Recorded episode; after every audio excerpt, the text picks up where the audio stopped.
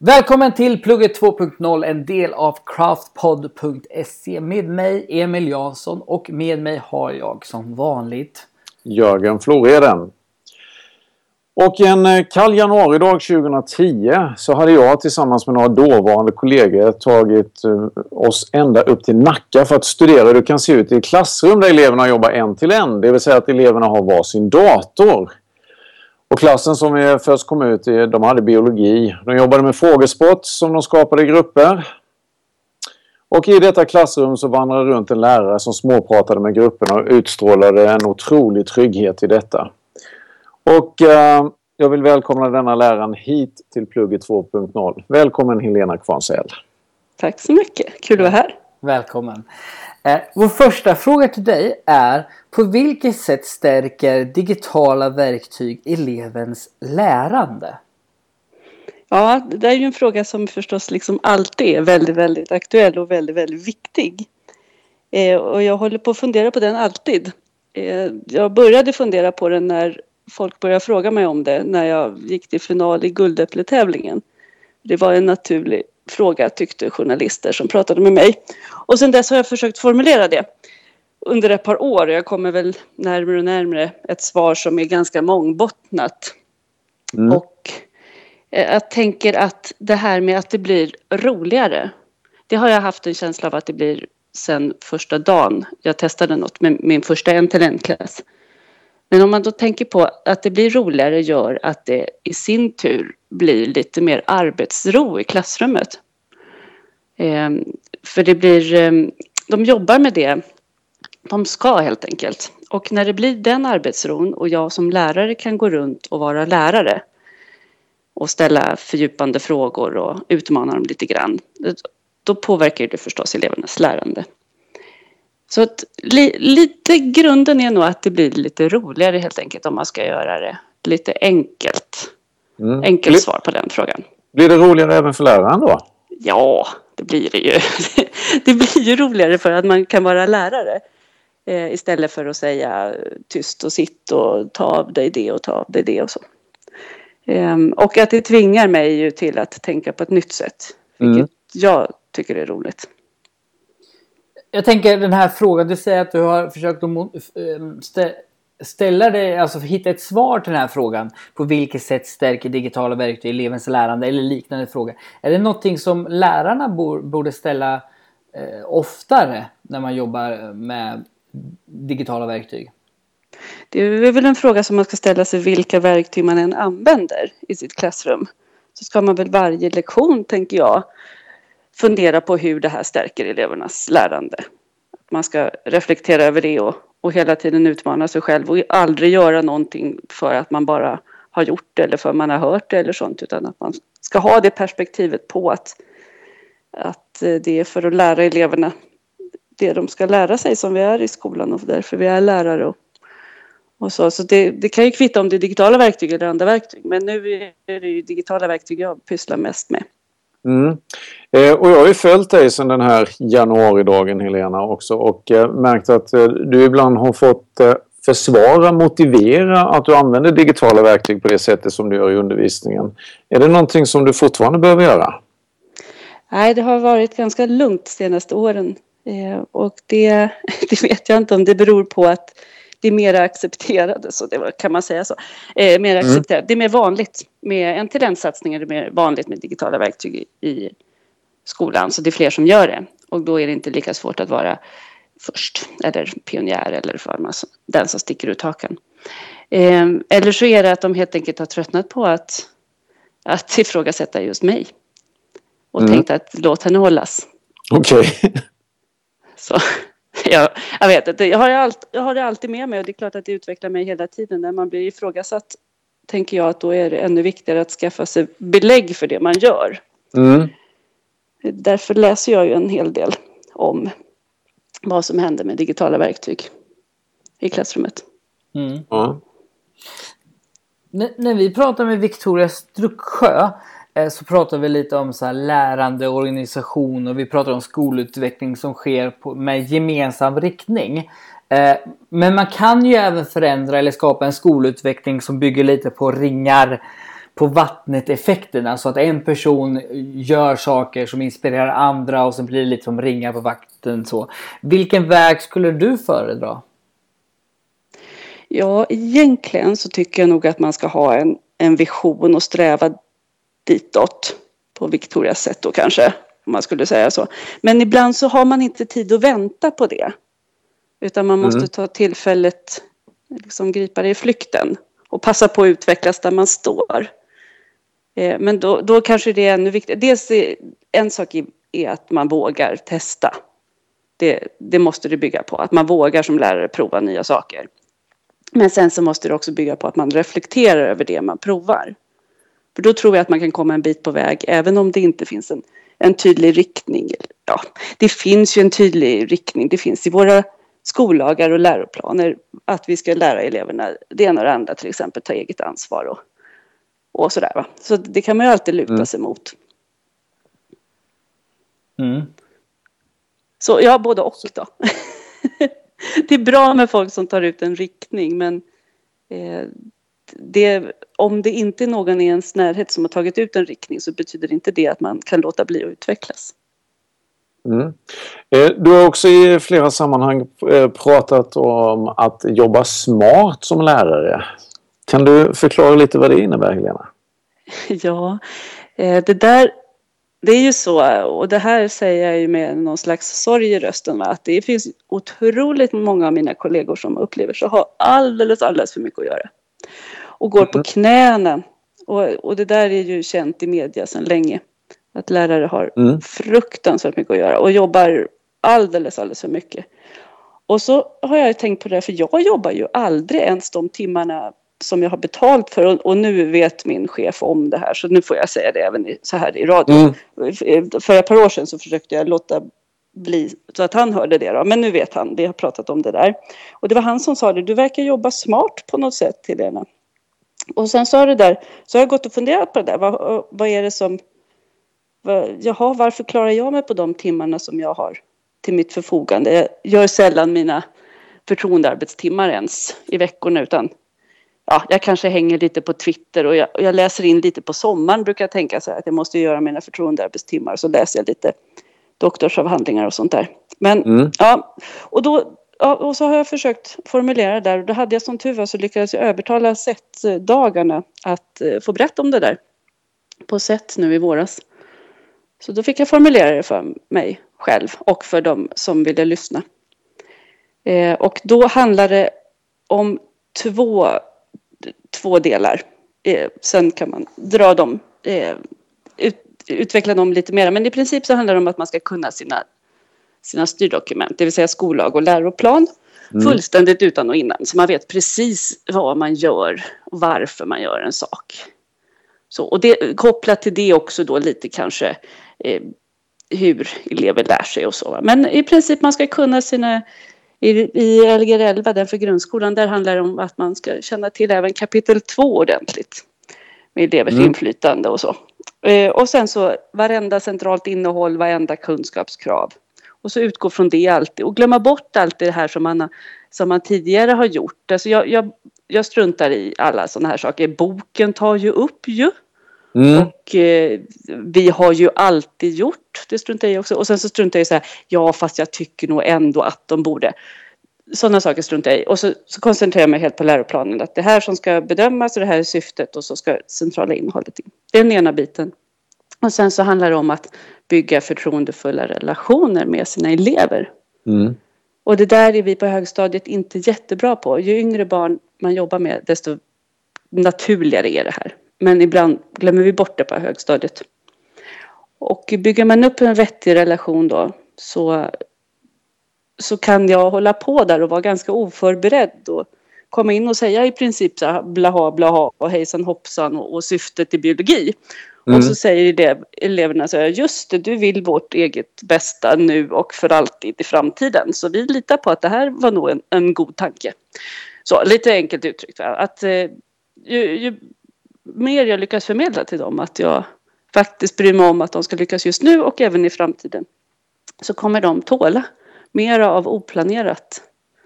Och eleverna bör ju också då känna till sin läroplan. Vi jobbar ju väldigt mycket med den i mitt klassrum. Ja. Det är de två benen. Så råkoll på läroplanen, jättebra relationer med eleverna. Ja, så... Och kan, ja, och då, det som man kan göra då, det är att man kan överlåta väldigt mycket till eleverna. De kan planera hur lektionerna ska se ut, de kan dra upp riktlinjer för hur de vill jobba under terminen.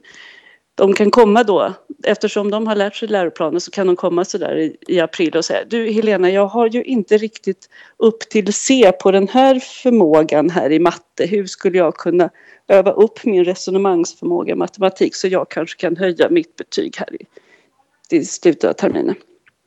Så, så Mm. ök, ökad elevaktivitet.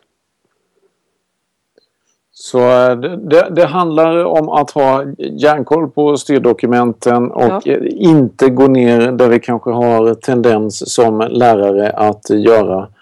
Eh, Att vi går ner i för mycket detaljer och så vidare då. Nej, just det. Mm.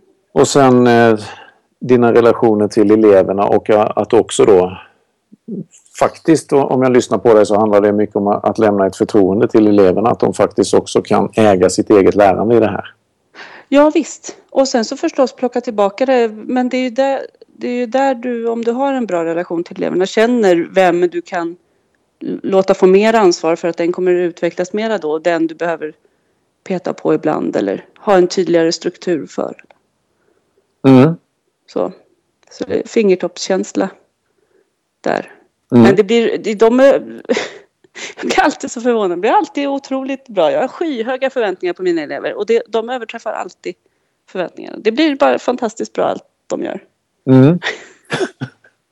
ja, jag har ju sett dig till och med skicka ut resultat vid något tillfälle Ja. när det gäller elever och så. Nej, men de är jättebra är de. Vad får du för reaktioner av kollegor eller andra du inspirerar eh, av att berätta om så här? Så här jobbar jag smart. Vad, vad säger de? Ja, alltså det är ju det är ju lite provocerande att säga att man är en av de fem lärare i Sverige som anser att tiden räcker till. Så är det ju.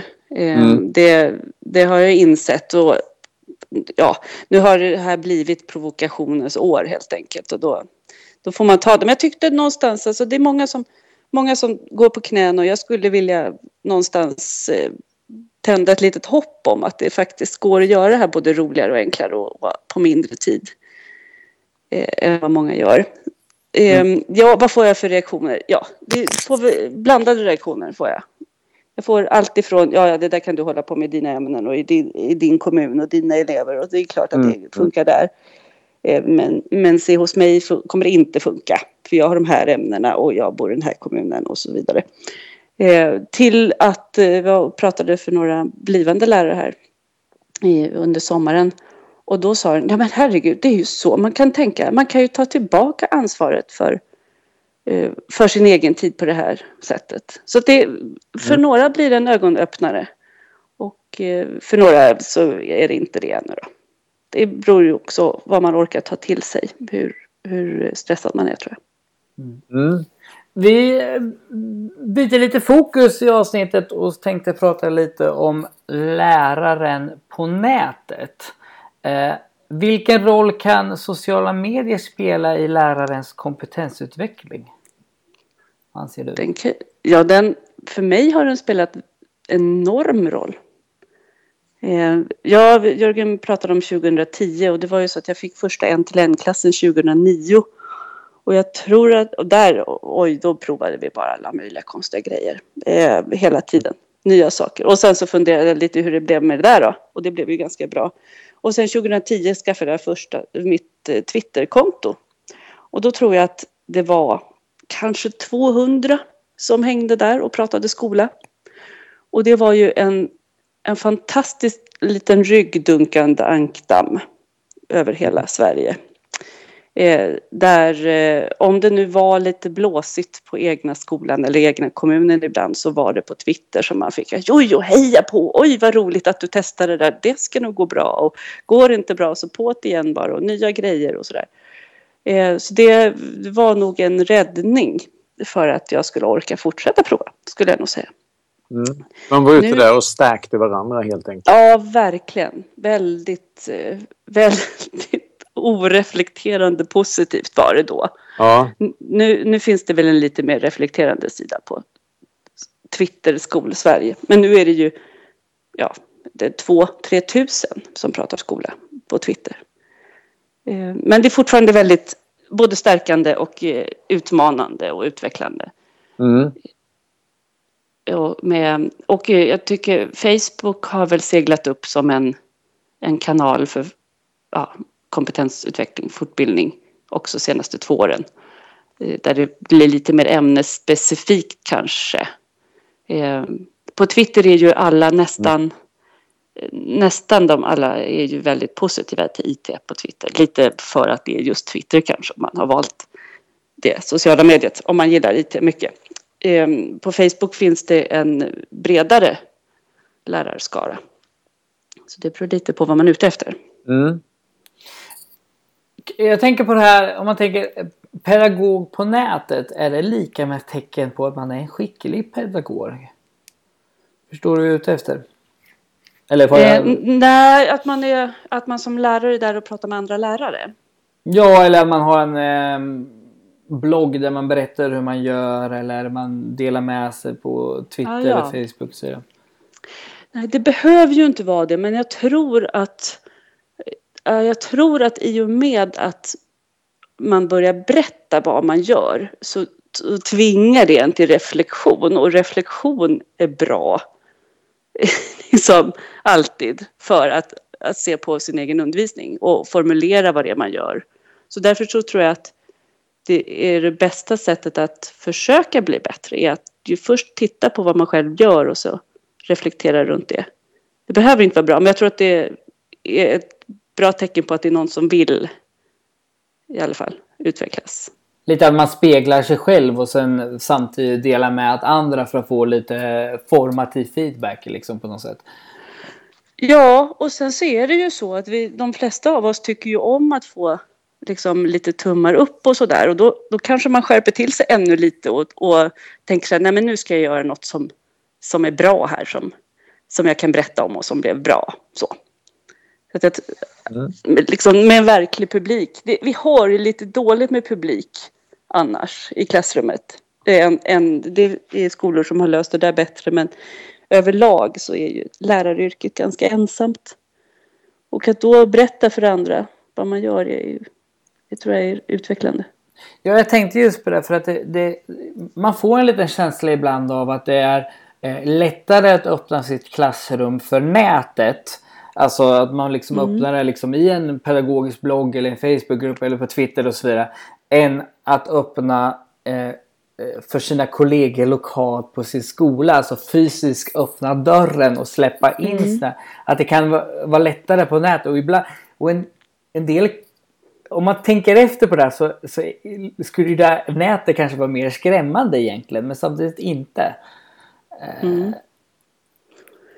Eh, ja, och det där beror väl på att man på nätet finns det ju faktiskt betydligt flera. Mm. Eh, och, och någonstans, en lärare som skapar en blogg och, och så, va, då, då, är det ju de, de som uppskattar just det finns ju just på nätet. Så där finns väl någon, liksom, en chans då till att hitta någon likasinnad där. Men sen är det ju så att på den egna skolan, jag jobbar på en ganska stor skola, men eh, vi är ju, ja vi är till, vi är nog sju NO-lärare kanske. Mm. Sex, sju NO-lärare. Men att ja, att det ska liksom klicka där att det finns någon som har nior precis som jag har och eh, då kanske det handlar om två stycken och är det de två på en ganska stor skola med tusen elever de här två då, om det nog inte liksom riktigt funkar personligen mellan oss eller schemamässigt så vi aldrig ens syn, syns i vårt arbetsrum eller att vi har arbetsrum på varsin sida om skolan för man sitter i olika arbetslag. Så då är det ju då är det betydligt mer enkelt att dela via nätet eftersom det inte är så beroende av tid och plats heller, att det ska funka. Mm. Eh, vilken vikt tillmäter du sociala medier? Är det till och med så att du skulle vilja säga att som lärare idag så måste, bör man delta i sociala medier i sin yrkesroll? Um, och det var en bra fråga. Jag blir alltid lite fundersam när jag träffar på eh, de, de här lite bättre lärarna eller lite mer... Så bättre, det, var, det får jag sudda det. Bättre är de inte. De lärare som visar framfötterna mer på kommunnivå eller på eh, kanske försteläraransökningar eller vad det var. Och de inte är aktiva på sociala medier. Då blir jag alltid lite förvånad och så tänker jag mm. de går verkligen miste om någonting. Men jag tror inte man måste. Jag tror mer att det är ett väldigt enkelt sätt att hålla sig uppdaterad och, och skaffa sig vänner och likasinnade. Mm. Jag, jag, tänker också att, jag tänker också för man, jag känner just igen där, jag har jättemånga kollegor som jag tycker är så här, helt fantastiskt duktiga. Och då brukar jag tänka tvärtom vad, vad, vad, vad världen går miste om som ja, jag har ja. dagligen. Ja. Uh, ja, det är sant. Uh, ja.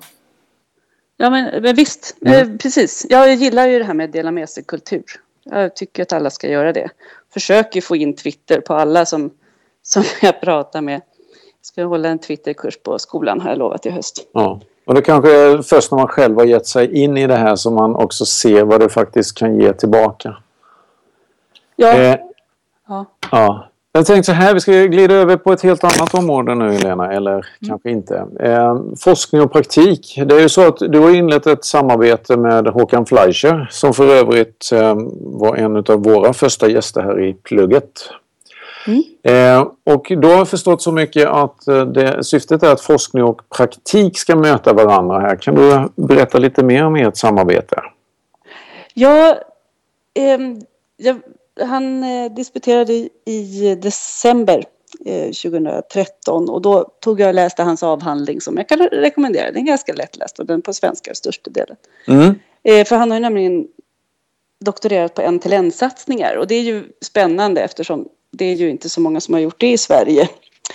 Ehm, och sen så till slut då så kom han ju och berättade det där på en eh, föreläsning som man kunde få gå och lyssna på. Det var ju i maj i Norrtälje så då hade jag åkt upp till Norrtälje. Ehm, och eh, eh, lyssnade på honom i två timmar när, när Håkan då berättar om, om fallgropar och eh, hur tokigt det kan bli med datorer i klassrummet. Mm. Så gick jag fram till honom och sa nu, borde vi, nu skulle jag ju vilja sätta mig ett par timmar och berätta för dig hur, lite ödmjuk sådär som jag är nu för tiden och berätta hur, hur man gör när det funkar och det inte blir så här. Ja. Eh, och det, det mottog han för han är egentligen för digitalisering av skolan. Så då sa han, men det vore, det vore kul, jag ska hit till Stockholm om ett par veckor igen. Då kanske vi kan mötas. Och då gjorde vi det. Och sen så, så föreslog han att vi skulle ta och skriva ner det här i en bok. Så nu håller vi på och skriver en bok om det här. Mm. Eh, teori och praktik. Alltså det handlar om att titta på digitala verktyg eller en-till-en-satsningar när varje elev har tillgång till en dator och eh, se vad som händer då. För vad, är, vad är det då med motivation och reflektion och eh, ja, forskningsanknutet. Eh, han, han kan ju en hel del om olika forskningar. Ni läste och han är snabb på att läsa det där och jag kan se vad som händer i klassrummet. Mm. Då kan jag, kan jag titta så här, här har vi ett exempel på när det skapas tid för reflektion. Ja, reflektion är bra, säger Håkan. Och så säger han fyra eh, doktorer som har skrivit någonting om reflektion. Så funkar samarbetet ungefär. Ja. Mm. Och då kan du spegla din undervisning gentemot forskningen här då? Ja, just ja. precis. Ja, och få få det belagt liksom att jo men det jag upplever det är inte så konstigt att de lär sig för att det är ju faktiskt en gammal vanlig hedlig eh, återkoppling som de får här. Eller de får tid för samtal mellan varandra eller eh, ja, det, ja, alltså vi kan frigöra tid för det ena och det andra eller här skapar man motivation eller eh, ser till att, eh, att eh, motivationen inte minskar kanske genom ett varierat arbetssätt eller eh, sådär. Mm. Och den här boken som ni håller på att skriva, vilka är tänkta mottagare för den? Ja, alla som tänker att det vore... Nej, eh, alla som eh, håller på med en till en, tänker jag. Plus alla lärarstudenter. Ja. Så, för att alla lärare ska väl hålla på med en till en hoppas jag då verkligen snart. Mm. Så, nej, men den, är skriven, den ska skrivas för lärare. Mm. Eh, sen har ni också eh, startat en blogg kring ert samarbete.